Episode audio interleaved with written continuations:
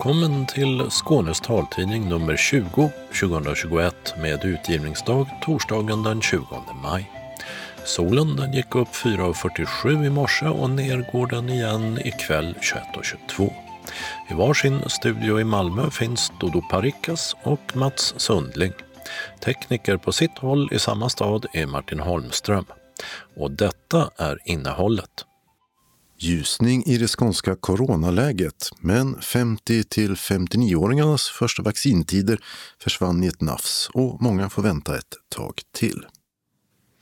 Medlemstidningar till Daisy-spelaren och billigare dagstidningar. Så kan det bli om MTMs taltidningsutredning blir verklighet. Regnbågsfärger på övergångsstället. En hyllning till hbtqi-rörelsen och allas rätt till kärlek eller ett problem för synskadade som behöver vita linjer. Meningarna är delade i Höganäs. Höganäs kommun borde diskuterat övergångsställena med både synskadade och regnbågsanhängare, tycker lesbiska Josefina Solberg som har starkt nedsatt syn och behöver kontrastmarkeringar. Korskoppling av trafikdata och mobilens funktioner kan hjälpa den som ser dåligt eller inte alls till rätt hållplats, på rätt buss och av igen där man ska av. Men kan alla inblandade aktörer samarbeta för att det ska bli verklighet? På fredag debuterar den synskadade författaren Desideria Jungelin. Boken hon skrivit heter Överlevnadskunskap och ger en tuff bild av att leva med funktionsnedsättning.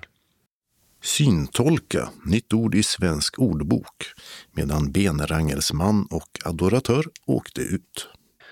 Skånes dansteaters danslaboratorium vill i sommar ge personer med funktionsvariation en väg in i den professionella dansvärlden.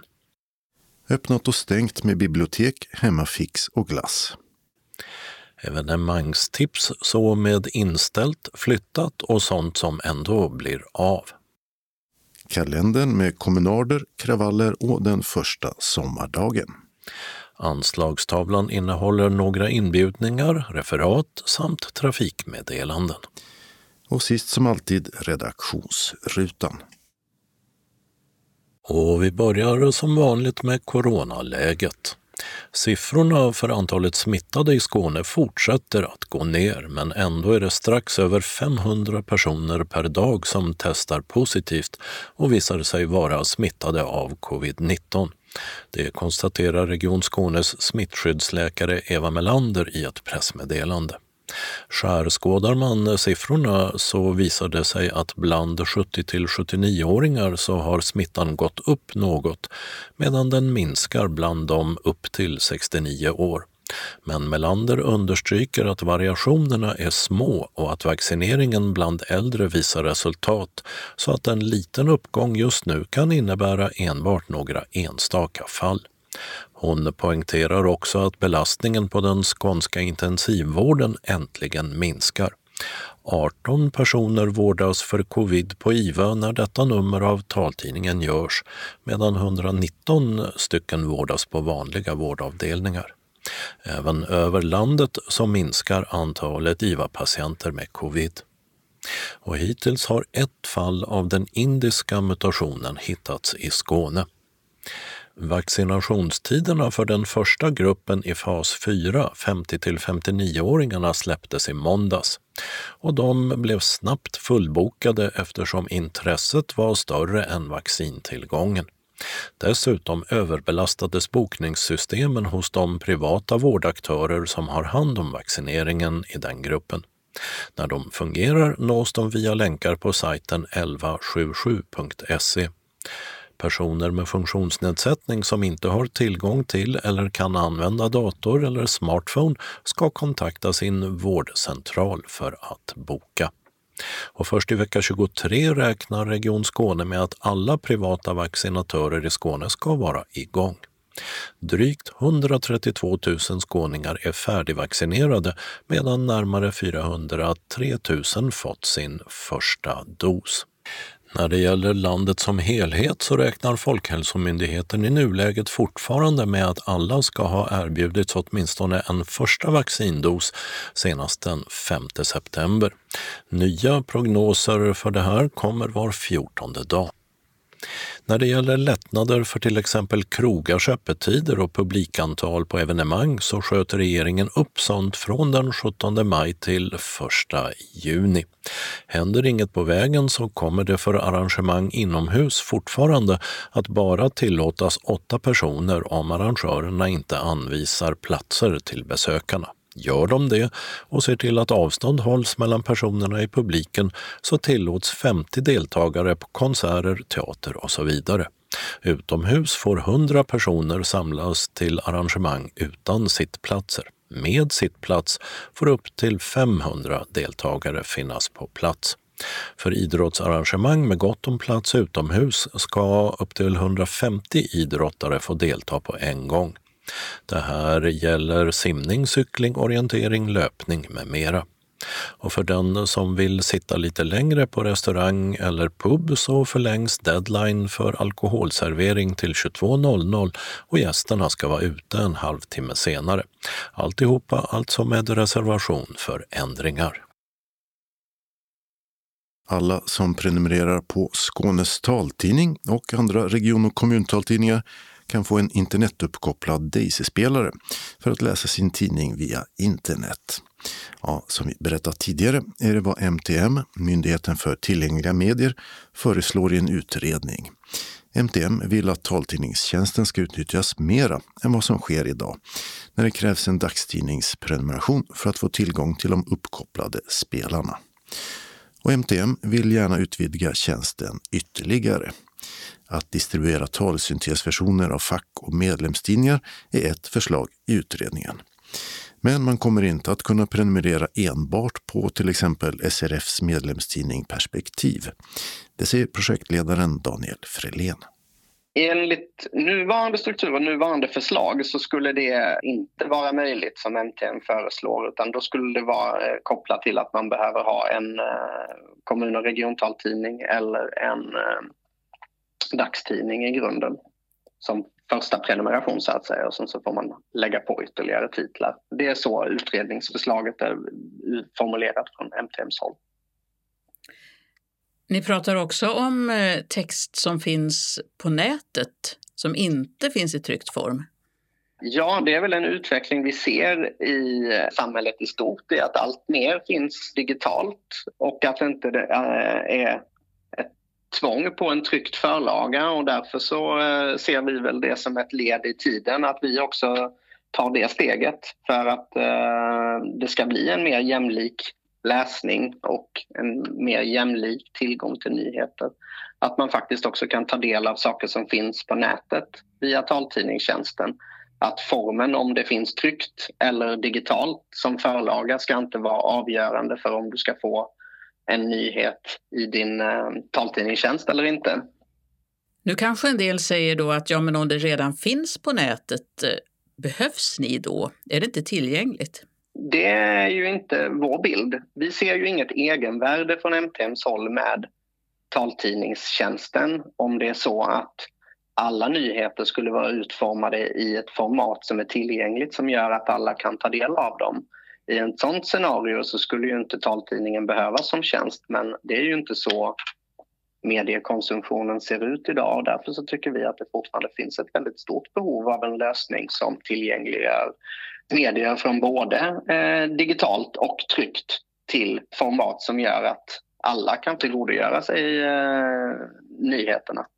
Jag skulle säga att det finns en ganska stor förståelse hos tidningarna för att det finns format som inte där eh, man inte når hela vägen med en eh, webbtidning eller eh, med en, att den tryckta tidningen har, har ett format som gör att, att vissa personer behöver en extra tjänst. Och där finns det inte, har inte jag upplevt i alla fall under utredningens gång, någon som ifrågasätter MTMs taltidningstjänst och dess existens utan där ser man ju det som ett, ett växelspel helt enkelt där vi kompletterar varandra.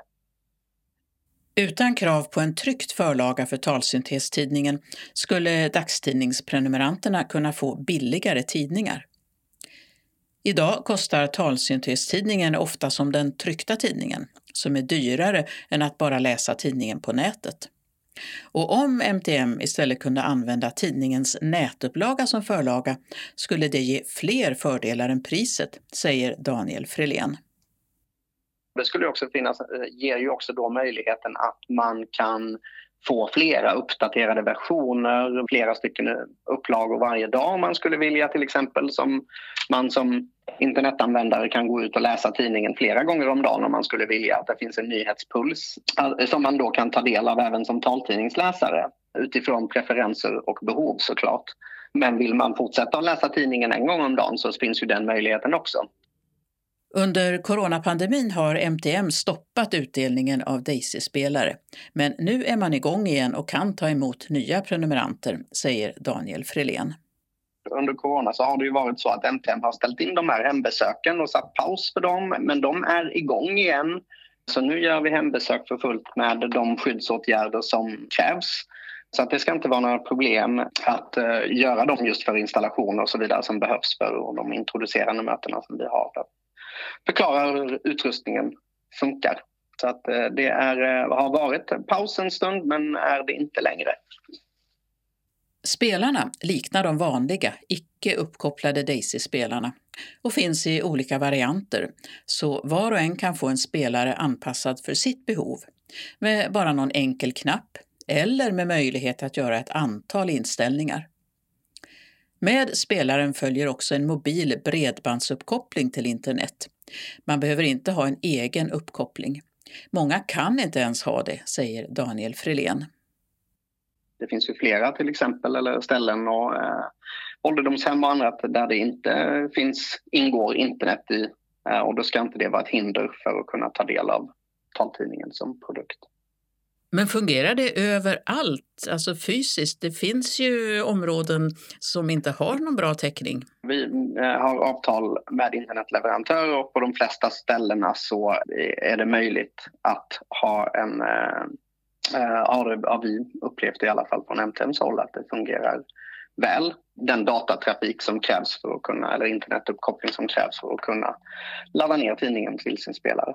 Kan man använda det internetet som man alltså får via er till annat också eller är det enbart för eh, taltidningarna? Eh, den är ju enbart till taltidningarna som MTM tillhandahåller i, nu, i nuläget. Då. Själva uppkopplingen är låst till, till taltidningen som tjänst. Vill man som individ ha eh, en internetuppkoppling till någonting annat så finns det ju flera privata alternativ och där är inte staten inne och konkurrerar så att säga med de privata internetleverantörerna utan då får man eh, som privatperson köpa internet som, som vem som helst så att säga. Och det kolliderar inte med varann om man har två system? Nej, det gör det inte. Förslagen i utredningen har lämnats till Kulturdepartementet som ska ta ställning till de förändringar som behövs i taltidningsförordningen för att till exempel alla prenumeranter på region och kommuntaltidningar ska kunna anslutas till tjänsten. Beredningsarbetet pågår, säger handläggaren Lottian Lindström till Skånes taltidning. I väntan på det arbetar MTM med de förslag som inte kräver ändring i förordningen, säger Daniel Frelén.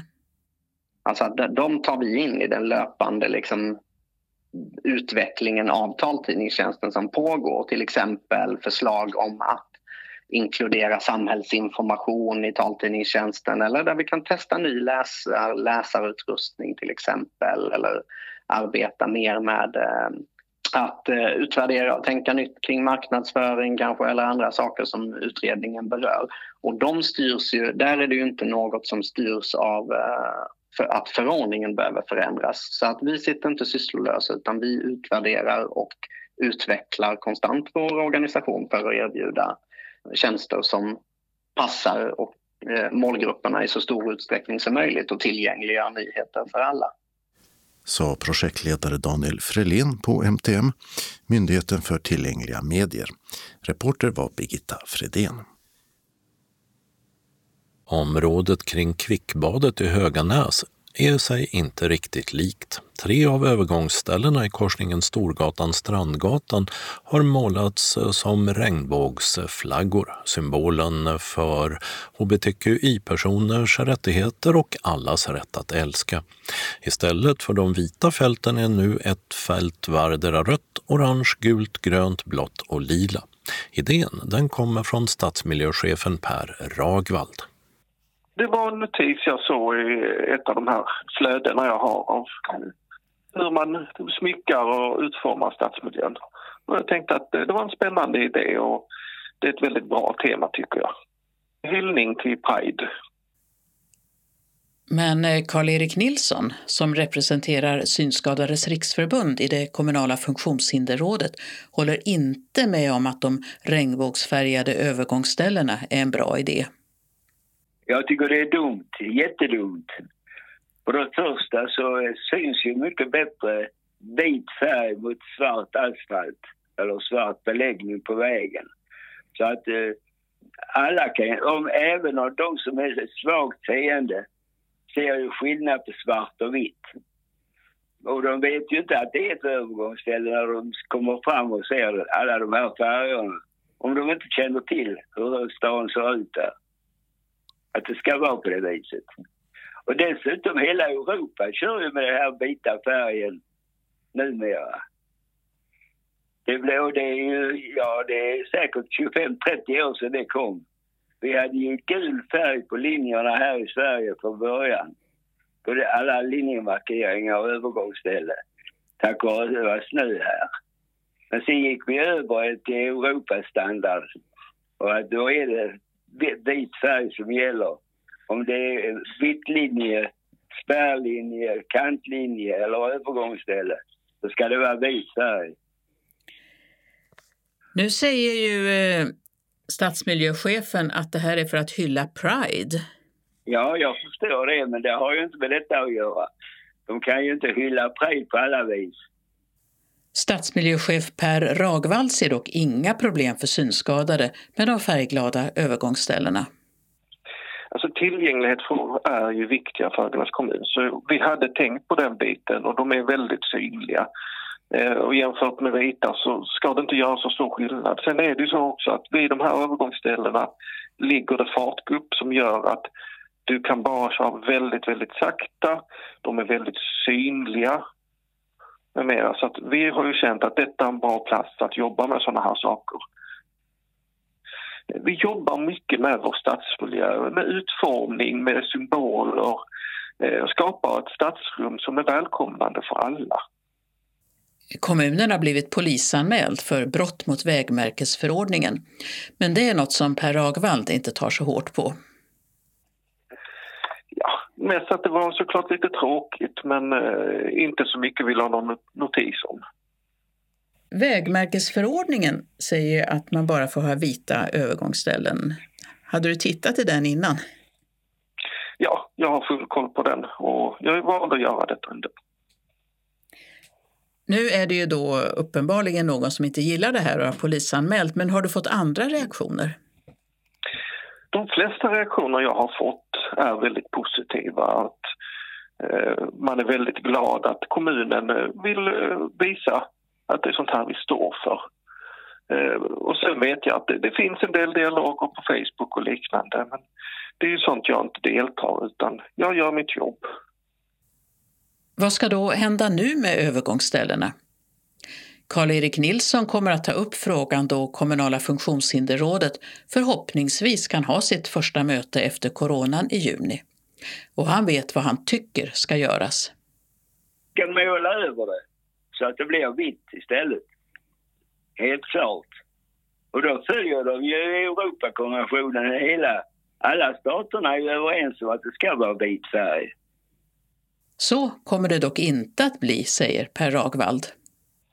Nej, vi tar ingen åtgärder på grund av polisanmälan, eh, utan de kommer att vara kvar.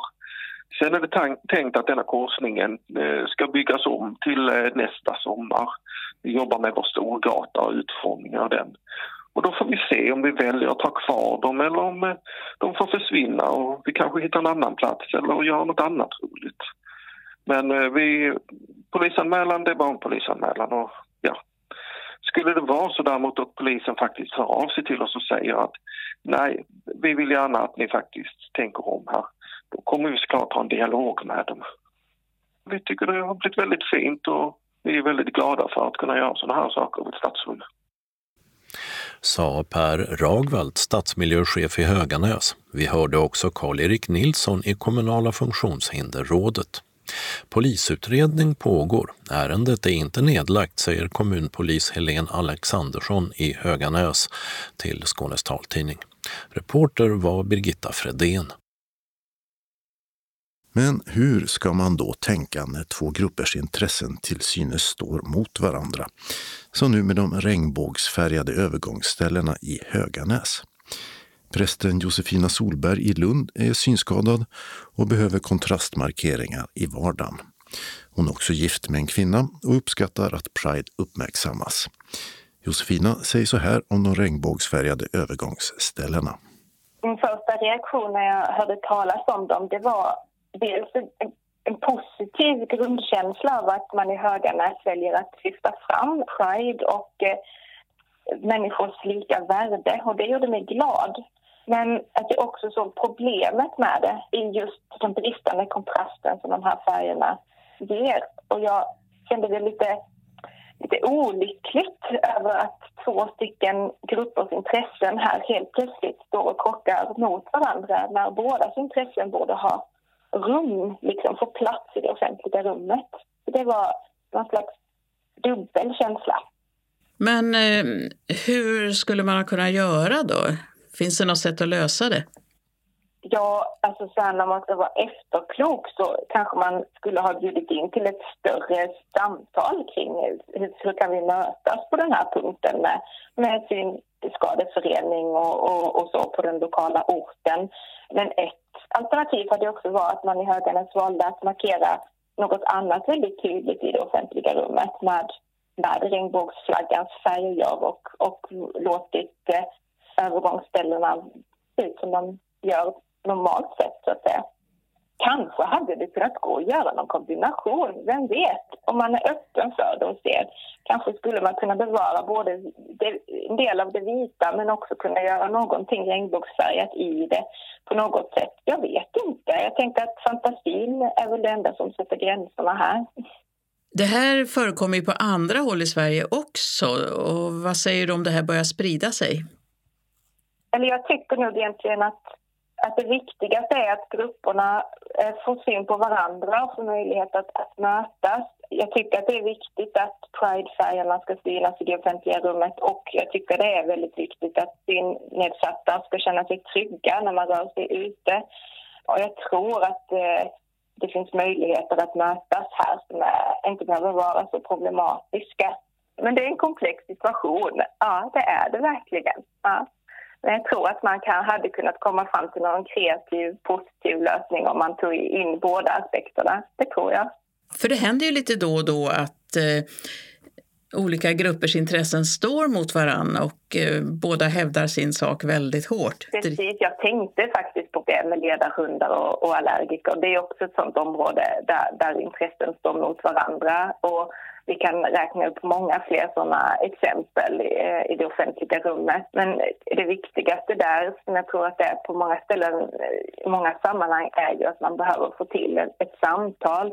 Och det är bra med debatt också, för det väcker verkligen uppmärksamhet för frågan. Men jag tror att vägen framåt inte är alltid är konfrontation utan snarare konsensus och samtal. Så att, eh, det skulle jag, om jag fick önska, vilja uppmuntra till ännu mer.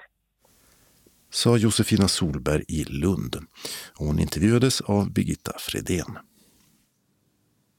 I Östergötland pågår eh, samarbetsprojektet Digital ledsagning där sammankoppling av information från befintliga datasystem hos till exempel kollektivtrafikbolag och från mobiltelefonens kamera kan ge ett effektivt och mycket detaljerat hjälpmedel för att hitta rätt i resandet med kollektivtrafik. Kameran ger en AR-effekt, augmented reality eller förhöjd verklighet. Appen som är i projektstadiet hjälper till att lotsa användaren till rätt hållplats, på rätt buss och av igen där man ska av.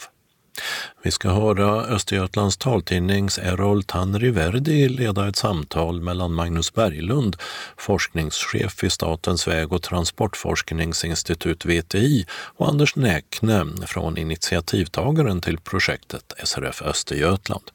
I projektet medverkar även Östgötatrafiken, Linköpings universitet, det digitala utvecklingsinstitutet Gaia i Norrköping samt det statliga forskningsinstitutet RISE. Anders Näkne börjar, så Errol Tandriverdi och så småningom även Magnus Berglund. Och så omväxlar de.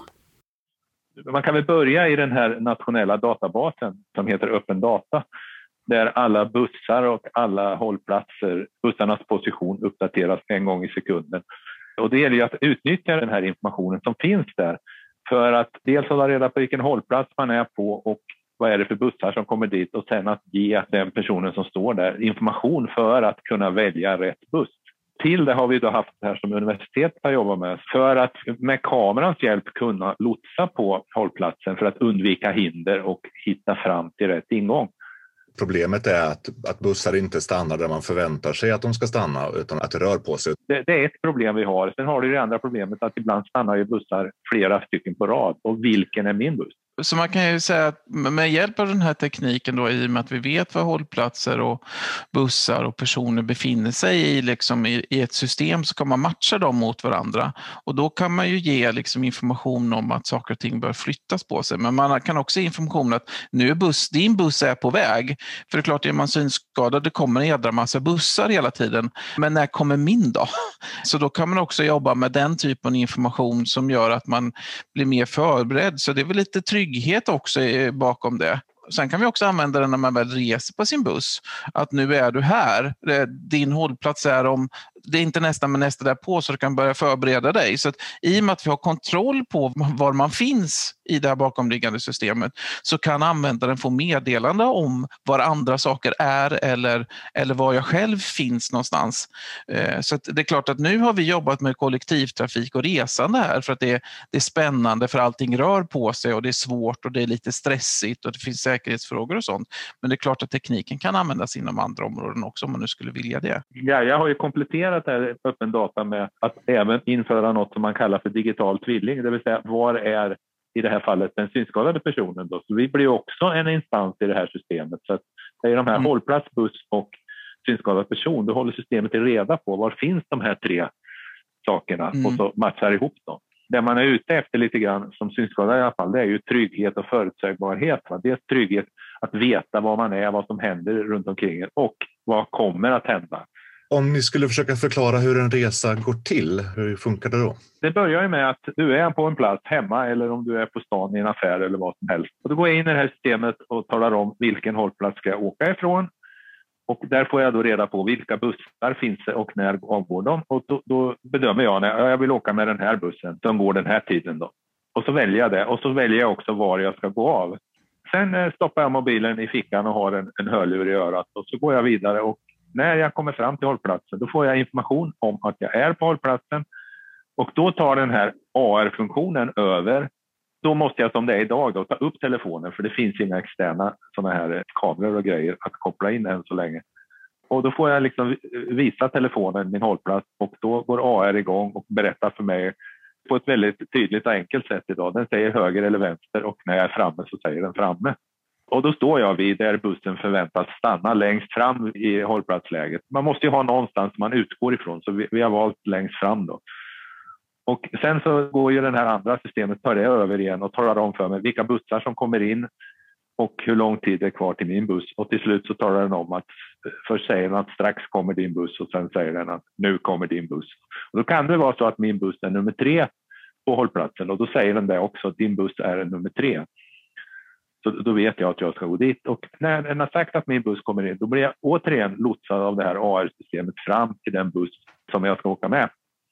När jag kliver på bussen då får jag information om att jag är ombord på rätt buss och så talar den om när vi åker iväg eh, vilka hållplatser som kommer att passera. hur lång tid det är kvar till nästa hållplats. Och sen som Magnus sa, så säger den, efter, jag kommer inte riktigt ihåg när den börjar säga det, men strax är du framme vid din hållplats och att du ska gå av.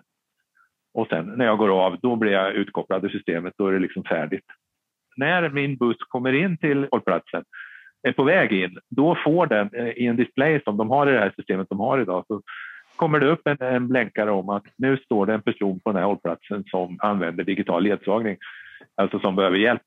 Så att busschauffören blir också informerad om att det är något på den här hållplatsen som man ska vara uppmärksam på. Och det är ju i och med att Anders då har planerat sin resa i förväg så kan systemet veta att det där ska ske då. Och precis som Anders sa är att när Anders närmar sig hållplatsen då startar ju det här igång utifrån att man har planerat en resa. Då har man på något sätt accepterat att man vill ha den här hjälpen.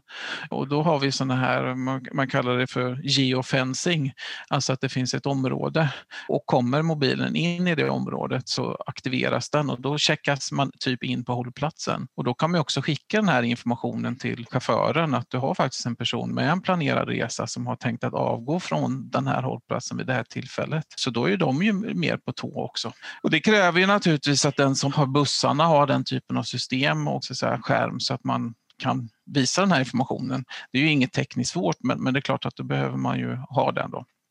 Jag har ju kört det här på egen hand och jag har en iPhone 8 själv och det, det funkar alldeles utmärkt. I dagsläget så är, är alltså man är inte jätteberoende av den absolut senaste tekniken. Men det kommer ju ny teknik hela tiden i de här telefonerna som gör att man kan utveckla systemet. Så att, eh, ja, det, det är en balansgång det där. Ja, men om man tittar på det som vi har utvecklat så, så har det ju lite olika delar. Dels är det här molnbaserade kärnsystemet, det som Gaia håller på med. Och sen så har vi den delen som är på i mobilen som Lio har jobbat med. Man kan väl ändå säga att det som Gaia har gjort, det är väldigt nära att kunna hamna i produktionsmiljö. För vissa delar används redan för att styra skyltsystem. Så som jag har förstått det så kommer man ju då gå in och göra en pilottest på valda delar av den här prototypen för att eh, hantera vissa delar, eh, informationsdelar? Eh, nej, vi, vi, har ju en diskussion med, med Östgötatrafiken om det som kallas för yttre utrop, det vill säga att bussarna själva talar om vad det är för nummer på dem. Vi ska, vi ska testa dels eh, högtalarsystemet på bussarna, då. men sen ska vi också testa just den här appen för att se hur kan vi använda den här appen för att ge resenärerna information om vilka bussar som kommer. Så där, där är det ju ganska nära det är antagligen, man måste förfina det lite grann och anpassa det till ett produktionssystem. Men funktionerna är så bra så att de, de, de kan man använda i realtid. Då. Vad, vad, tror ni? Handlar det om något år eller handlar det om flera år bort innan det här blir någonting som vi kan använda till gemene man? Ja, om man säger så här, om det bara hade varit för att ta fram produkten och att släppa loss den. Men nu har vi lite, det är ju liksom offentliga aktörer som ska upphandla och hela den biten, det tar ju lite längre tid. Men jag skulle säga att större delen av tekniken gäller att positionera de här mot varandra och kunna ge information via en mobiltelefon. Det är väldigt nära, alltså, det är bara att man vill göra det. Ja, det tror jag också. Alltså, som du säger, om vi bortser från AR-delen, den delen har jag ju själv kört i min telefon på, på mm. egen hand så att säga. Och den mm. fungerar ju väldigt bra. Visst är det vissa saker som behöver justeras, men eh, alltså, inom ett år om, om pengar och viljan finns så är det inga problem. Om ni skulle få visionera om framtiden lite, vad, vad tror ni om de här systemen och, och, andra sätt att använda dem? Du har ju till exempel färdtjänsten. Där ett stort problem som vi synskadade och färdtjänstförare har att hitta varandra. Här skulle det här systemet kunna hjälpa till väldigt mycket.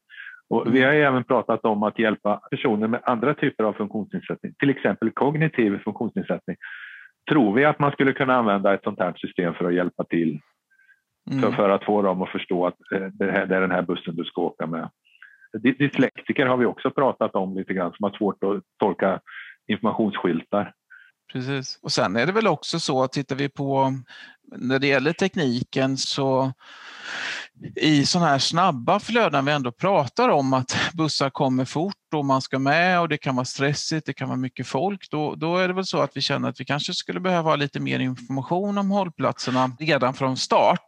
Därför så tittar vi på möjligheter att ha mer öppen data, alltså att det fanns tillgänglig information om hur hållplatserna ser ut och sånt i digitalt format och hade man kunnat skapa det då skulle vi nog kunna komma snabbare fram när det gäller eh, AR-guidning med hjälp av mobiltelefoner. Så det, är, det är inte jättelångt borta. Jag skulle nog vilja säga så här att när det gäller tekniken och så så kan vi nog komma väldigt långt med att eh, hjälpa människor i sitt resande. Jag tror inte det är några, egentligen några tekniska hinder. Men eh, sen handlar det om att vi har många aktörer inblandade i det här kring kollektivt resande. Alltså du har kommuner som är ansvariga för hållplatser som sitter på data om liksom den fysiska infrastrukturen. Vi har bussföretag som äger bussarna. Vi har våra regionala kollektivtrafikmyndigheter som, som står för kollektivtrafiken rent tekniskt så kan vi bygga saker som fungerar men sen handlar det också om att vi ska, alla de här aktörerna ska samverka och bestämma sig för att en, en hållplats eh, har det här namnet och alla kallar den. Alltså bara så att i den digitala världen så är det väldigt viktigt att man har standard och det heter samma saker så samverkande system faktiskt hittar. Så att jag kan tänka att på ett sätt kan det vara lite svårare att bara komma överens över alla de här aktörerna som måste samverka för att ett resande mellan eh, olika platser ska funka. För att om man tänker sig att om jag ska resa från, från Linköping till Stockholm, alltså då är, inte, då är det flera aktörer inblandade och det är olika ansvariga. Eh, för oss som användare kan det kännas väldigt konstigt, för de i branschen är det självklart, men det blir så att det blir ett samordningsproblem egentligen avslutade Magnus Berglund, forskningschef vid Statens väg och transportforskningsinstitut, VTI. Vi hörde också Anders Näkne, SRF Östergötland. Reporter och samtalsledare var Errol Tanriverdi vid Östergötlands taltidning. På fredag debuterar en ny författare, 23-åriga stockholmskan Desideria Jungelin, som har en synskada. Boken hon skrivit heter Överlevnadskunskap. Utgångspunkten är egna och andras ganska så tuffa erfarenheter av hur omgivningen kan bemöta den som har en funktionsnedsättning. Men vad är det för slags bok? Vi ringde upp Desideria Jungelin. Många av berättarjagen i den här novellsamlingen har någon form av funktionsnedsättning, ofta en synnedsättning. Och det gemensamma temat för alla noveller är väl att det handlar om någon form av utanförskap. Hur man överlever det eller hittar ett att leva med det. Det är en rätt rejält tuff bok skulle jag säga.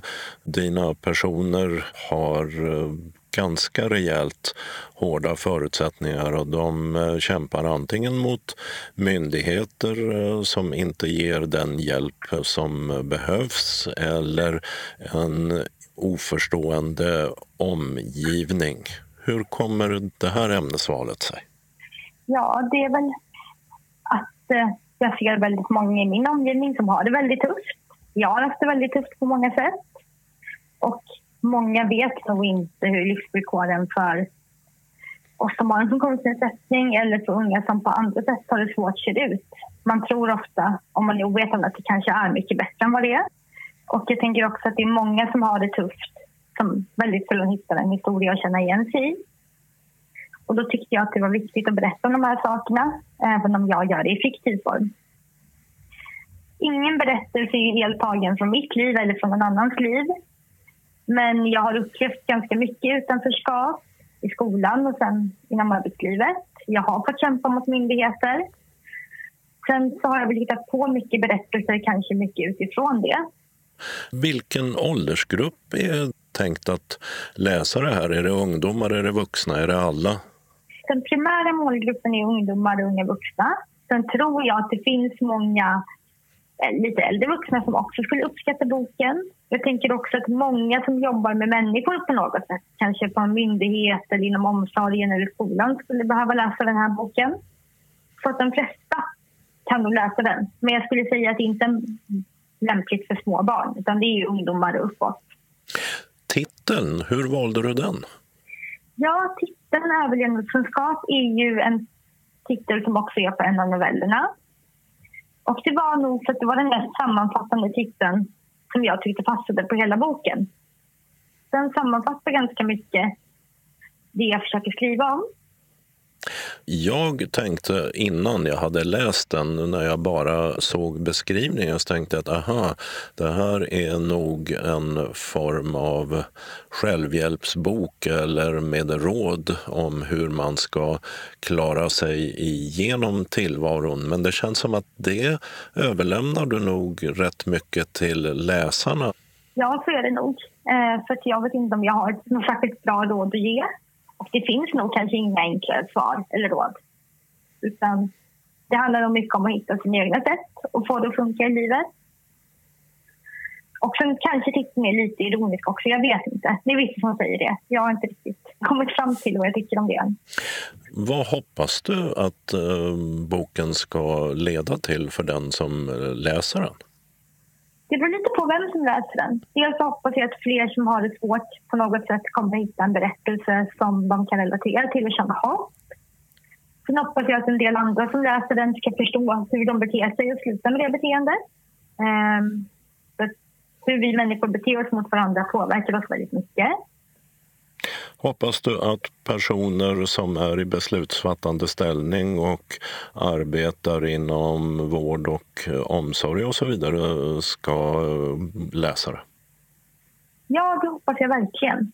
Och även om inte en enskild medarbetare kan förändra alltså en hel samhällsprocess, ett helt system så kanske åtminstone den enskilda medarbetaren kan förändra sitt bemötande gentemot personerna som den möter i sin yrkesroll. Det är din första bok och eh, hur var det att eh, sätta igång och hur var det att skriva? Jag har skrivit den här under väldigt lång tid. Det var inte ens tänkt som en novellsamling från början utan det växte fram. Eh, det har varit kul att få skriva och få komma på berättelser. Men det har också varit tuffa saker att skriva om. Så det har varit väldigt blandade känslor. Men det har känts väldigt viktigt och väldigt rätt att skriva den här boken. Eh, du har eh, synskadefrågorna i din egen eh, familj. Din far är verksam i SRF som anställd på Rikskansliet. Vad har det spelat för roll att du har en sån person i din närhet? Jag har faktiskt två sådana personer. Jag har både en far som jobbar på SRF och en mamma som på andra sätt ideellt har jobbat mycket med de här frågorna. Så jag är ju uppväxt med att saker går att förändra, att det är viktigt att prata om saker. Att jag ser liksom inte mig som det annorlunda som det alltid är fel på utan vi lever i ett samhälle där det finns en mall för hur du ska fungera, hur du ska vara. Och eh, det är där det blir fel, att det krockar. Vad har du för synnedsättning? Jag ser nästan ingenting. Ljus och mörker på ena ögat. Det är någon genetisk sjukdom som jag tror sitter på hornhinnan som går i familjen. Jag och mamma har samma. Det sa Desideria Jungelin vars debutbok Överlevnadskunskap alltså kommer ut på fredag. Den är föreslagen till inläsning som talbok och för utgivning i punktskrift. Reporter var Dodo Parikas. Snart så publiceras en ny upplaga av Svensk ordbok, den kortaste av Svenska Akademins uppslagsverk. Nu finns nutida ord som skäggolja, stabsläge och svischa med, liksom för första gången ett ord taltidningens läsare är väl bekanta med, syntolka.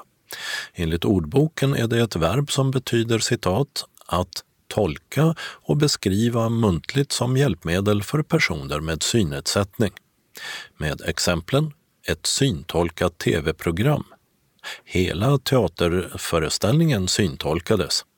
Belagt sedan 1983 skriver ordboken som senast reviderades 2009. Och ord som adoratör, dvärgalåt och tjuvspråk har däremot strukits i den nya versionen. Ordboken ska enligt instruktionerna bara ha med ord som är väletablerade i vardagssvenskan och den innehåller beskrivningar av 65 000 ord. Skånes dansteater har länge arbetat med dans där personer med funktionsvariation medverkar, både i föreställningar och som workshoppar där till exempel synskadade kan testa dans. I sommar anordnar man workshopen Summer Lab för den som har en funktionsvariation och är på väg in i dansvärlden professionellt eller skulle vilja vara det. Tanja Mangalana Jagam är projektledare på Skånes dansteater. Man kan beskriva det som eh, fortbildning eller konstnärlig utvecklingsläger för personer med funktionsvariationer. Och det här bygger på ganska många år av erfarenhet som vi har här på Skånes dansöver av att arbeta just med professionaliseringen inom scenkonsten för personer med funktionsvariation. Vi ser att eh, representationen på scenen är väldigt viktig och just nu så finns det en brist faktiskt på konstnärliga utvecklingsmöjligheter för personer med funktionsvariationer inom dans. Så det här är ett initiativ att ehm, fylla det glappet helt enkelt. Detta Sammarlabbet är ganska unikt för att med på Sammarlabbet så kommer också en stor majoritet av Skånes dansteaters dansare att vara med.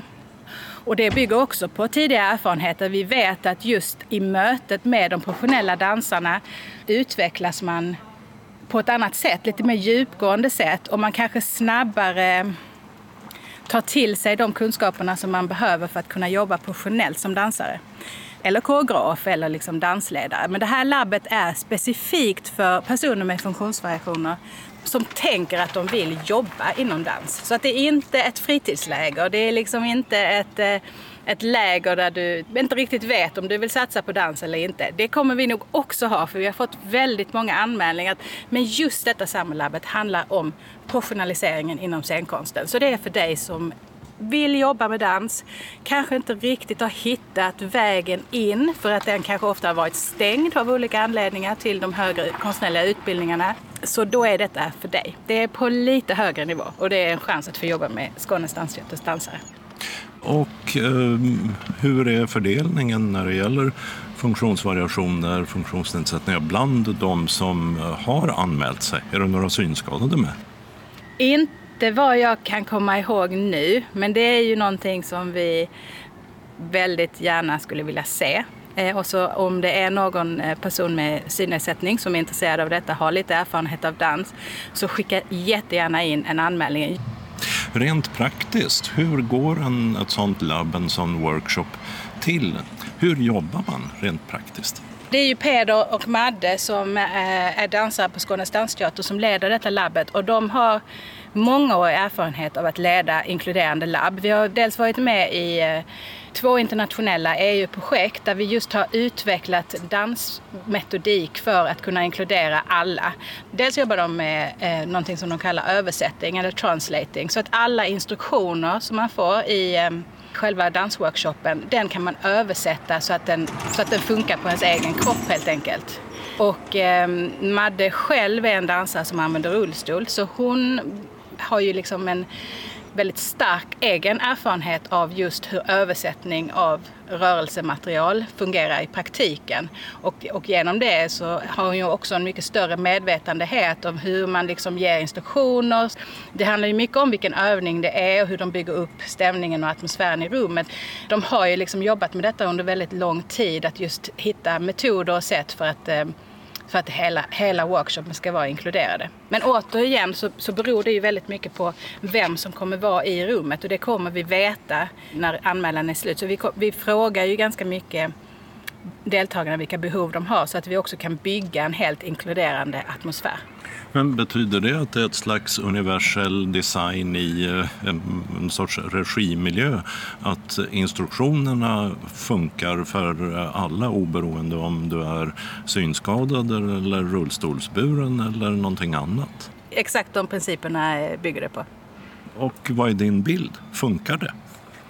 Det funkar. Alltså de bygger upp en atmosfär där alla jobbar till 100 procent. Eh, och det är det som är syftet. Att alla ska ha förutsättningar att jobba till 100 procent och utvecklas konstnärligt inom dans. Sen ser den utvecklingen ganska olika ut beroende på vilken identitet man har, vilken kropp man har, vilken eh, funktionsvariation man har. Men absolut funkar det. Det är bara ett helt annat sätt att tänka på dansen, tänka på danskonsten, tänka på dansträningen.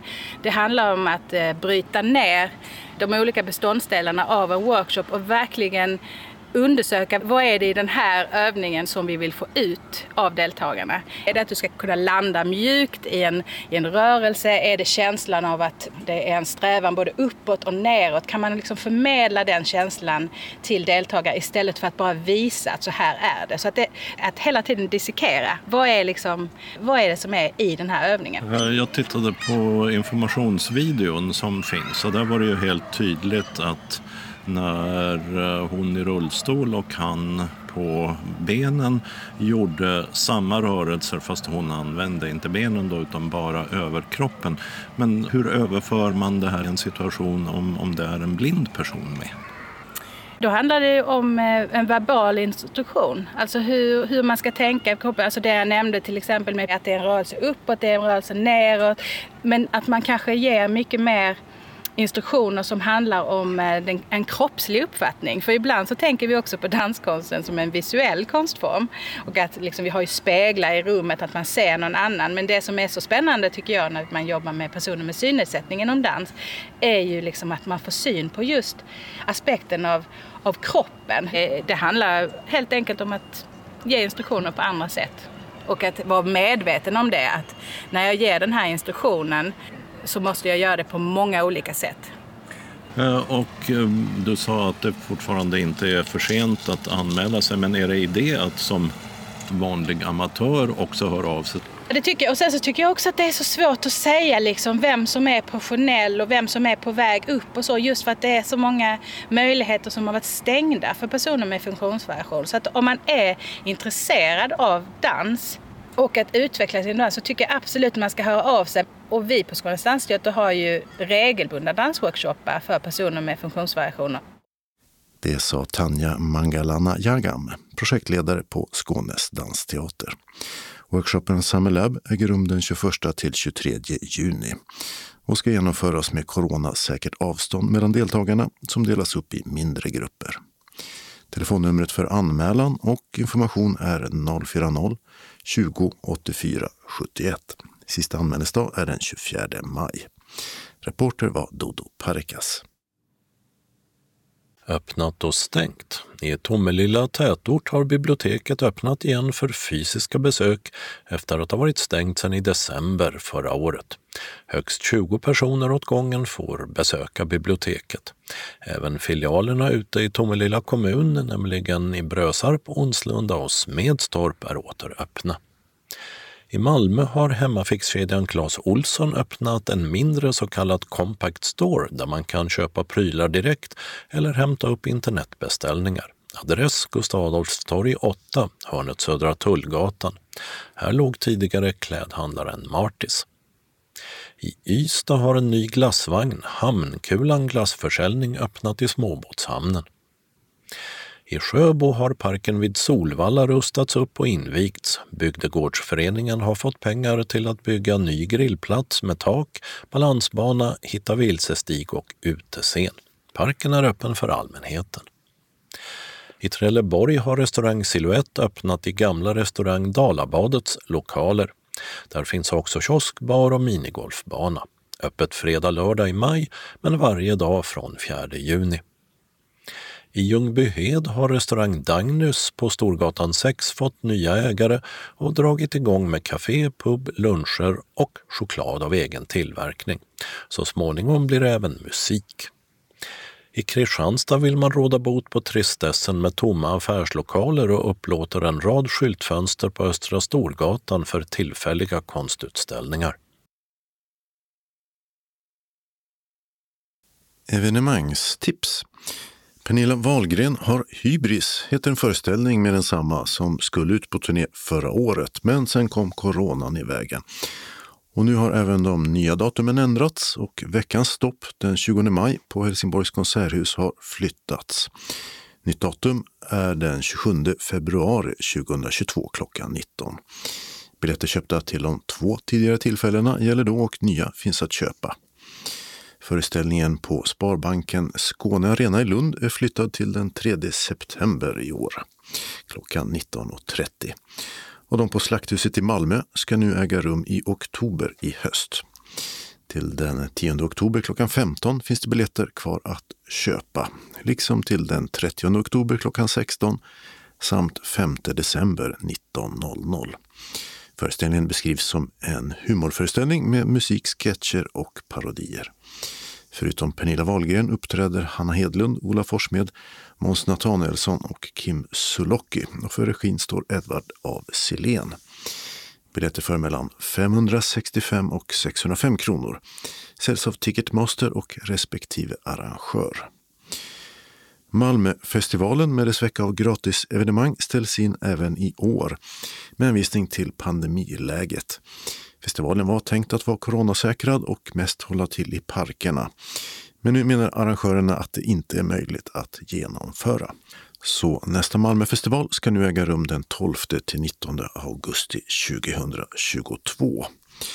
Däremot planerar Malmö att genomföra Sommarscen Malmö med start den 12 juni och mängder av gratis men hittills inte offentliggjorda programpunkter.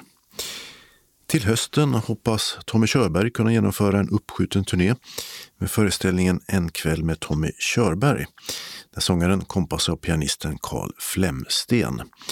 De uppträder den 15 september 1930 på Lunds stadsteater dit Ticketmaster säljer biljetter för 495 kronor. Samma pris och klockslag gäller även följande stopp. 16 september på Ystads teater där Eventim säljer biljetter. 17 september Kulturhuset i Hässleholm.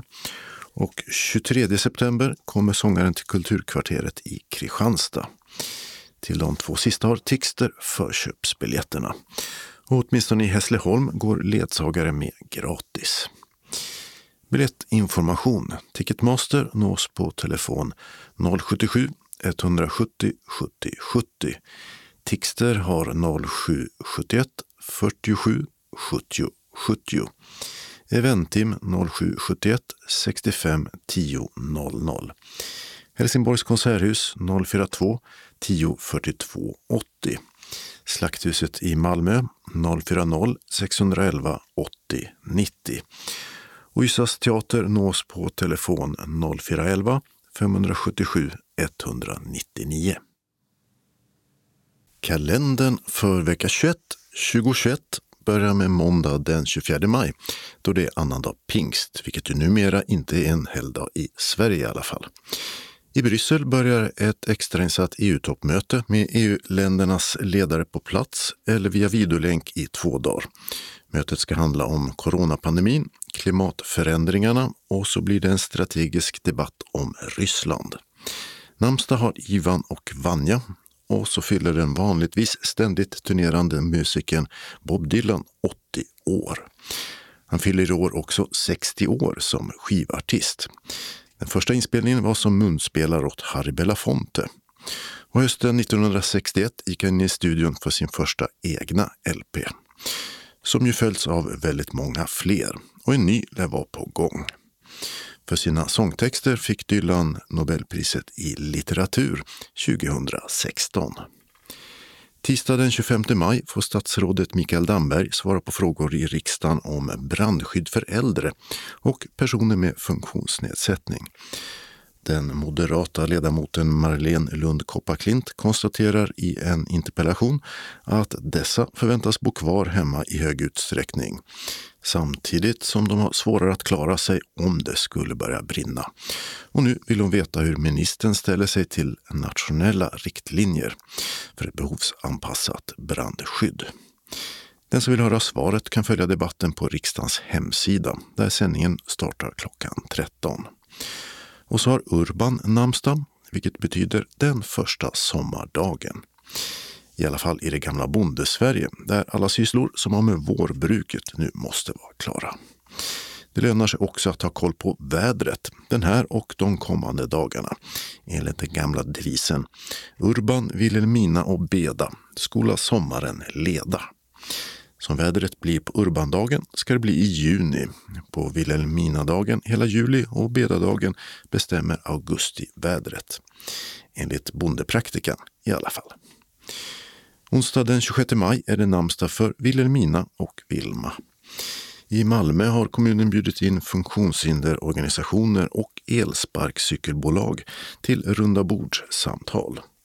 Och det politikerna vill de ska handla om är allas rätt till staden och hur sparkcyklar kan tänkas bli ett mindre hinder för de som inte ser eller har svårt att röra sig fortsättningsvis. I Syrien hålls det presidentval där den sittande diktatorn Bashar al-Assad ställer upp till omval. Och det finns faktiskt motkandidater. Men eftersom landet är i krig och valet inte på något sätt är demokratiskt är resultatet givet. Assad fortsätter med en fjärde sjuårsperiod vid makten. Torsdag den 27 maj är det så Beda och Blenda som har namnsdag. Fredag den 28 maj firar vi Ingeborg och Borghild. Friidrottens Diamond League-cirkus har tävlingar i Doha i Qatar. Och den här dagen 1871, alltså för 150 år sedan, slogs Pariskommunen slutgiltigt ner efter hårda strider och tusentals döda. Under två månader hade den franska huvudstaden varit ett socialistiskt experiment med omfördelningspolitik, beväpnade revolutionärer och gatubarrikader. Belägrad av både den preussiska och den nationella franska armén. Upproret misslyckades och många av upprorsmännen blev avrättade. Men de hårda sociala motsättningarna i Frankrike lever kvar, liksom viljan att ta till gatorna för att driva politik. Ett annat arv är sången Internationalen, som ju fortfarande sjungs av arbetarrörelser. Texten skrevs av kommunmedlemmen Eugène Potier och fyller också den 150 år.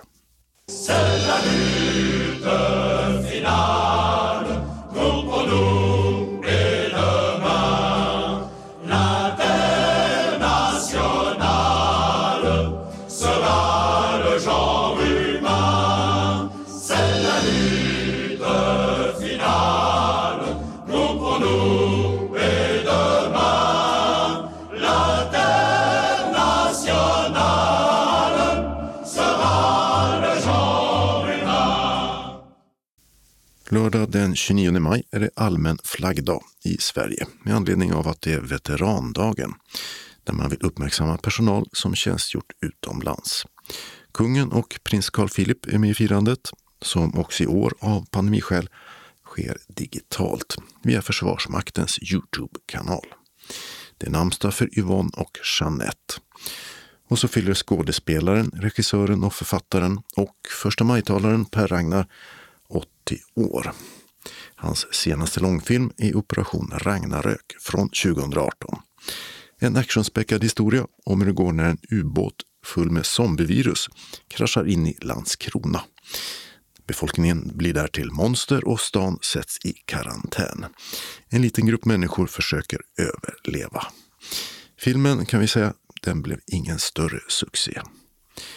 65 år fyller samtidigt den amerikanska sångerskan Latoya Jackson, nummer fem i den musikaliska syskonskaran med samma efternamn, av åtta som gjort skivor om vi räknat rätt. Latoya var med i familjeprojekten The Jacksons och The Jackson 5 och de största soloframgångarna kom på 80-talet. På senare år har Latoya mest ägnat sig åt reality-tv. Och så är det final i herrfotbollens Champions League och den spelas i portugisiska Porto dit matchen blev flyttad av coronaskäl.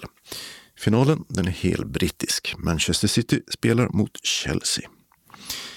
Söndag den 30 maj är det mors dag. I kyrkans almanacka är det heliga trefaldighetsdag. Och Cypern har val till parlamentet just denna söndag och inte den som kom i förra veckans kalender. Eller i alla fall val till de 56 platserna som grekcyprioterna på ön tillsätter. De 24 andra ska enligt författningen tillsättas av turkcyprioter, men de har stått tomma sedan Cypernkriget som delade ön 1964. Det styrande kristdemokratiska partiet är fortfarande störst, men har sjunkit i väljarstöd. Nästan lika stort är nu det marxist-leninistiska kommunistpartiet med ungefär 25 procent stöd och fred med den turkcypriotiska halvan av ön på programmet.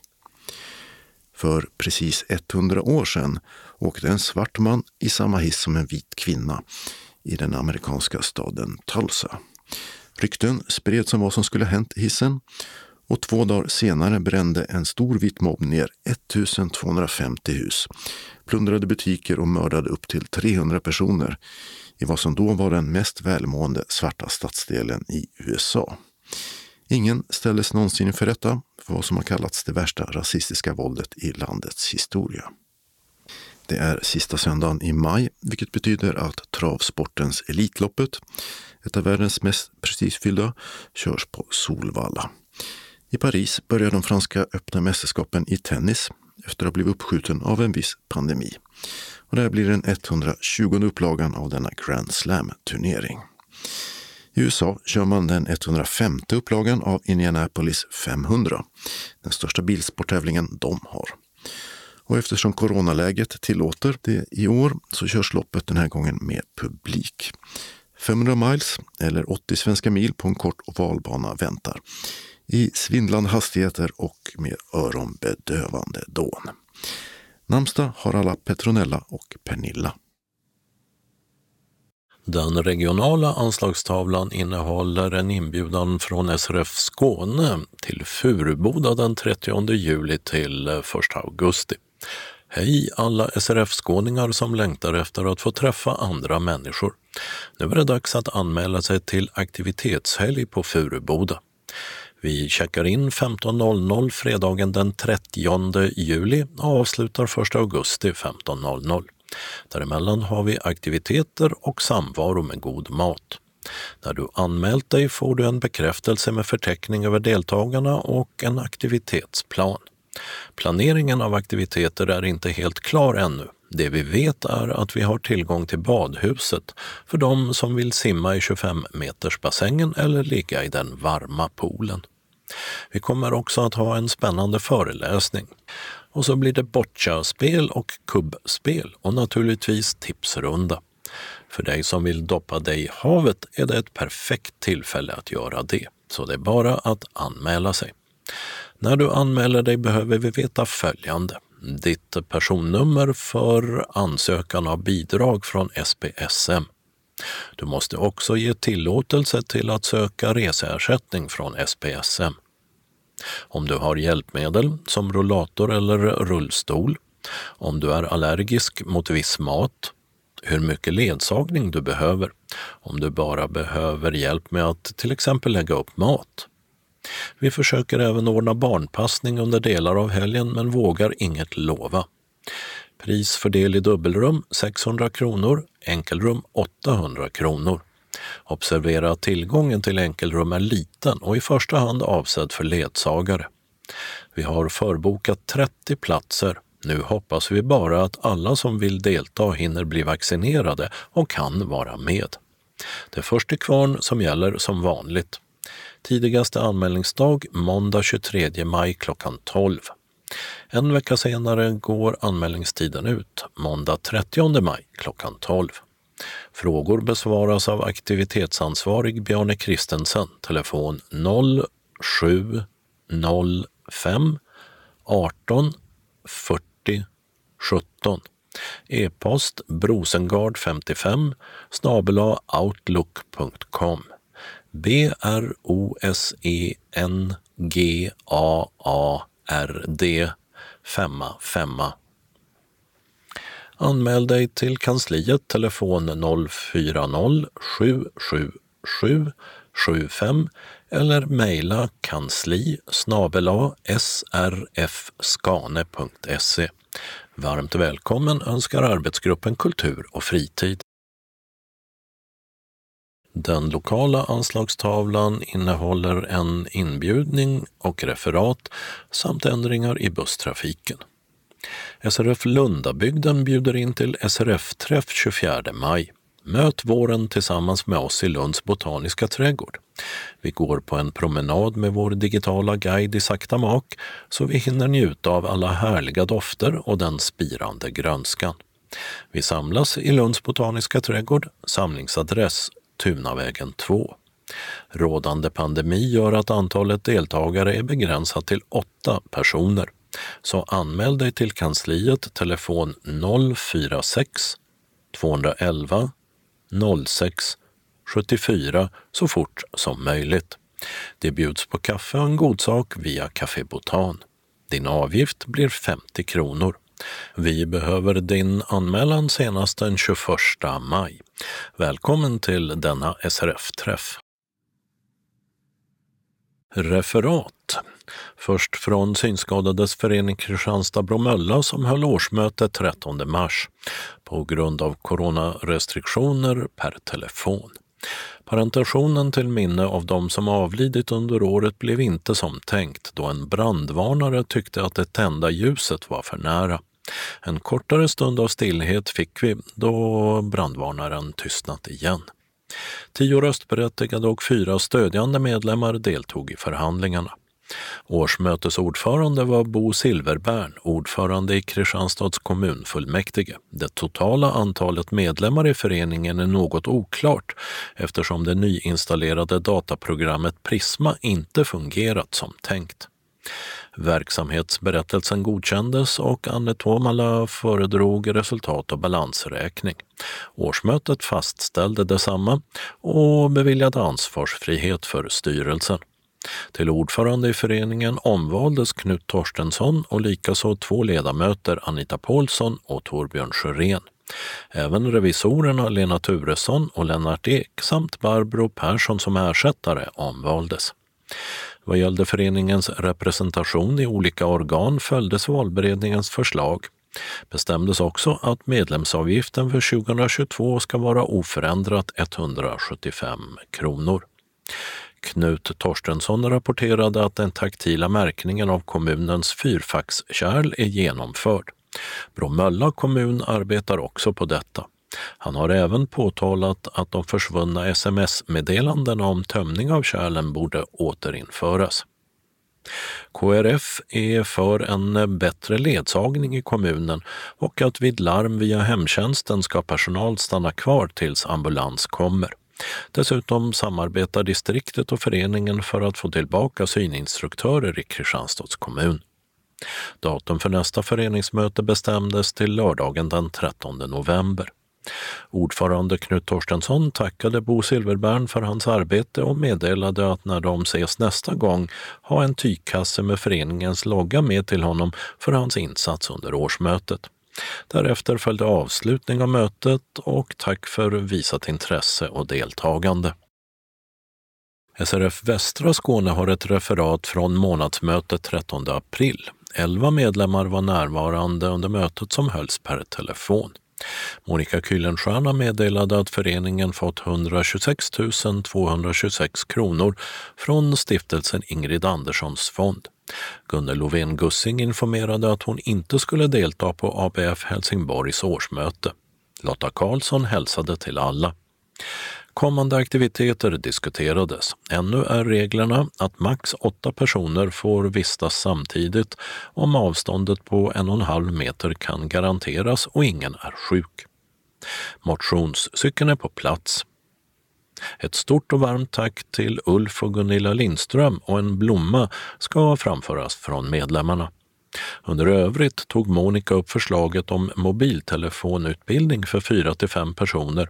Ett förslag från Lisbeth Svensson och Ann-Marie Schultze. Ordföranden Hans Olin skulle fråga Claudia Sederholm om hon kunde ställa upp som instruktör.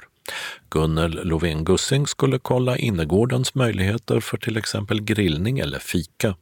Styrelsen återkommer i ärendet. Ordföranden Hans Olin tackade alla för visat intresse, önskade en fortsatt trevlig vår och avslutade mötet. Undertecknat Monica Kühlenstierna. Och så en del tillfälliga ändringar i busstrafiken.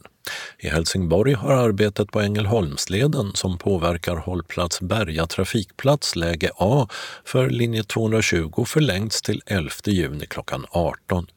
Även arbetena på Drottning Margaretas gata har förlängts till 28 maj 16.00 och de rör linje 4, 6, 220, 250, 506, 520 och Skåneexpressen 10. I Lund pågår VA-arbete på Magistratsvägen till och med 14 juni 16.00. Följande linjer påverkas. Linje 4 för hållplatserna Magistratsvägen och Rådhusrätten i bägge riktningar hänvisas till Victoriastadion på Svenshögsvägen. För Delfinen åt båda håll hänvisning till Gambro på Magistratsvägen. För linje 170 och 171 är start och ändhållplatsen Norra Fäladen stängd. Istället är det Ideon Gateway på Skelevägen som är start och ändhållplats för de linjerna. I Malmö och Hylje pågår gjutning av ramp mellan Atles gata och Hylje allé. Det betyder följande.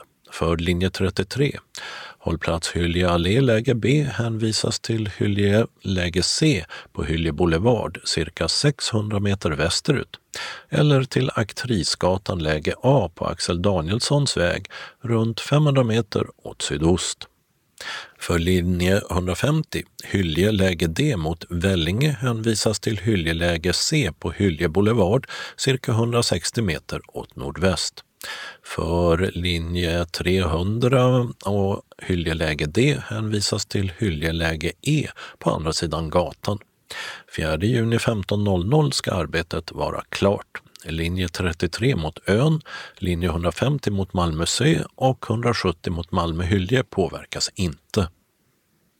I Svalöv pågår vägarbete mellan 22 maj 04.00 och 24 maj samma tid och cirkulationsplatsen korsningen Onsjövägen-Rönnebergsvägen är stängd för genomfart.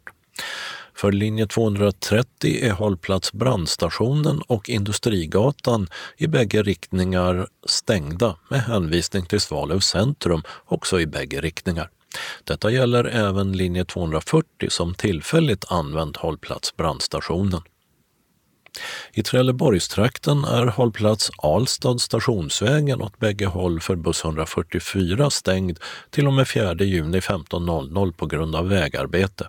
Hänvisning till tillfälliga hållplatslägen ute på landsvägen, väg 101 och i Ängelholm pågår broarbeten på Kristian den andres väg. Rönnehallen läge B är stängd sedan tidigare med hänvisning till Bruksgatan östra läge B. Nu gäller det även Rönnehallen läge A som hänvisas till Bruksgatan östra läge A. 14 juni 16.00 ska allt vara klart. Och det var allt för det här numret. Ett nytt nummer kommer torsdagen den 27 maj. Skånes taltidning ges ut av Region Skånes psykiatri och habiliteringsförvaltning. Ansvarig utgivare är Martin Holmström. Postadress Jörgen Ankersgatan 12, 211 45 Malmö. Telefon 040-673 0970. E-post Skanes taltidning snabela skane.se och hemsida skanestaltidning.se. Observera att CD-skivorna inte ska skickas tillbaka till oss. Såväl skivor som kuvert kan läggas i brännbara sopor när ni inte längre vill ha dem. Vi hörs igen. Hej då!